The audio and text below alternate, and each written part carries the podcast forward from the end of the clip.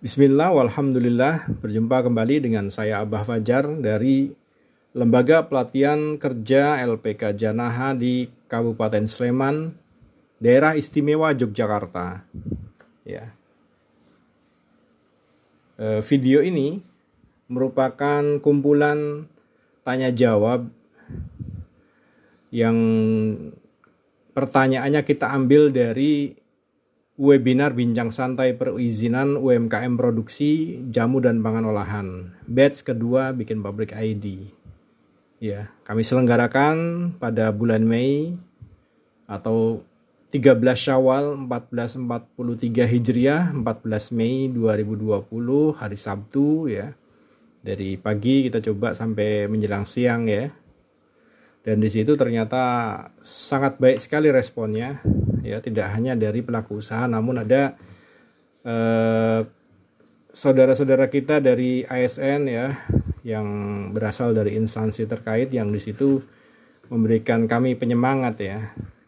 Jadi kami semakin semangat uh, bahwasanya kegiatan seperti insya Allah bermanfaat untuk membuka wawasan, uh, menyampaikan informasi, edukasi serta update-update yang terkait dengan kebijakan pemerintah seputar obat dan makanan. Ya. Ya, Badan POM sebagai lembaga badan yang langsung bertanggung jawab kepada presiden di sini mempunyai posisi yang penting dalam menjaga, mengawasi serta memberikan pembinaan kepada industri maupun pelaku usaha yang terkait. Dan tidak hanya setahun dua tahun ya.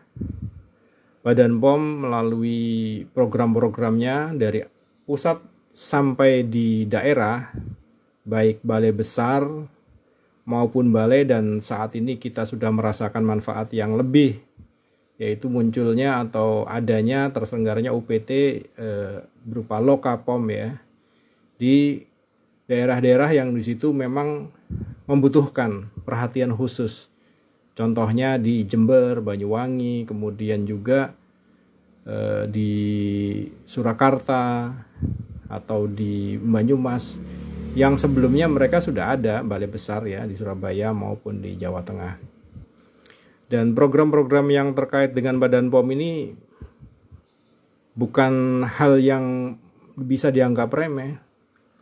Manfaatnya sangat besar sekali, paling tidak juga di situ masyarakat Eh, teredukasi bagaimana bisa memanfaatkan produk-produk yang legal ya, dan paham produk-produk yang tidak legal serta bahayanya ya. Dan masih banyak lagi dan terpenting untuk pelaku usaha adalah pembinaan-pembinaan yang intensif sepanjang tahun ya.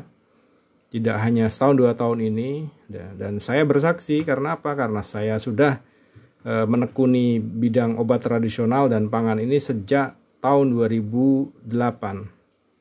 Ya, saya dulu bekerja di rumah sakit eh, sebagai pelaksana farmasi ya di Rumah Sakit PKU Yogyakarta dan eh, saya mempunyai visi yang ke depan yang saya pengen di situ supaya pelaku usaha bisa mendapatkan kontribusi informasi uh, serta edukasi yang tepat dan diarahkan ke mana ya. Paling tidak saya saya atau kami uh, bisa jadi teman ngobrol ya untuk pelaku usaha di situ.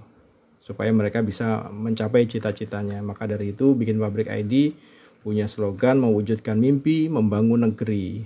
Nah seperti itu kira-kira. Ya sedikit yang dapat kami sampaikan dan di situ di bidang obat tradisional dinamikanya sangat bagus sekali terkhusus UKOT ya usaha kecil obat tradisional dan UMOT usaha mikro obat tradisional. Regulasi-regulasi buku-buku petunjuk dan lainnya itu semakin tahun semakin membaik dan semoga nanti yang kebaikan-kebaikan yang sudah ada ini dibalas juga kebaikannya oleh pelaku usaha. Bisa menyajikan bisa menerapkan standar mutu yang berlaku ya.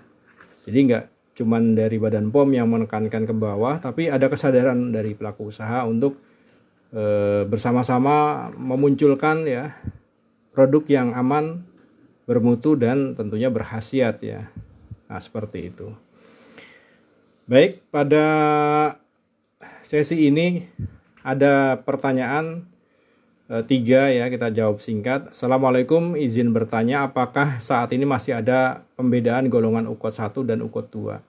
Ukot 1 dan ukot 2 secara khusus tidak disebutkan kembali ya, seperti halnya ketika tahun 2002 eh, tahun 2015 itu memang disebutkan secara khusus. Ya. Bahwasanya kalau untuk ukot 1 adalah yang memproduksi kapsul dan cairan obat dalam. Sementara ukot e, dua adalah pil, serbuk dan lain sebagainya yang memang di situ di, boleh diproduksi oleh ukot selain sediaan kapsul dan cairan obat dalam itu. Namun pada regulasi yang terakhir di situ walaupun ukot satu itu boleh dipegang oleh selain apoteker yaitu D3 farmasi yang telah melakukan eh, pelatihan ya dan sampai saat ini belum ada, belum ada pelatihan dari Kementerian Kesehatan dan lembaga yang terkait tentunya dalam ini eh, selain Badan POM adalah Kementerian Kesehatan. Di situ tetap disyaratkan bahwasanya UKOT eh, jika di situ dipimpin oleh tenaga teknis kefarmasian harus memiliki sertifikat pelatihan.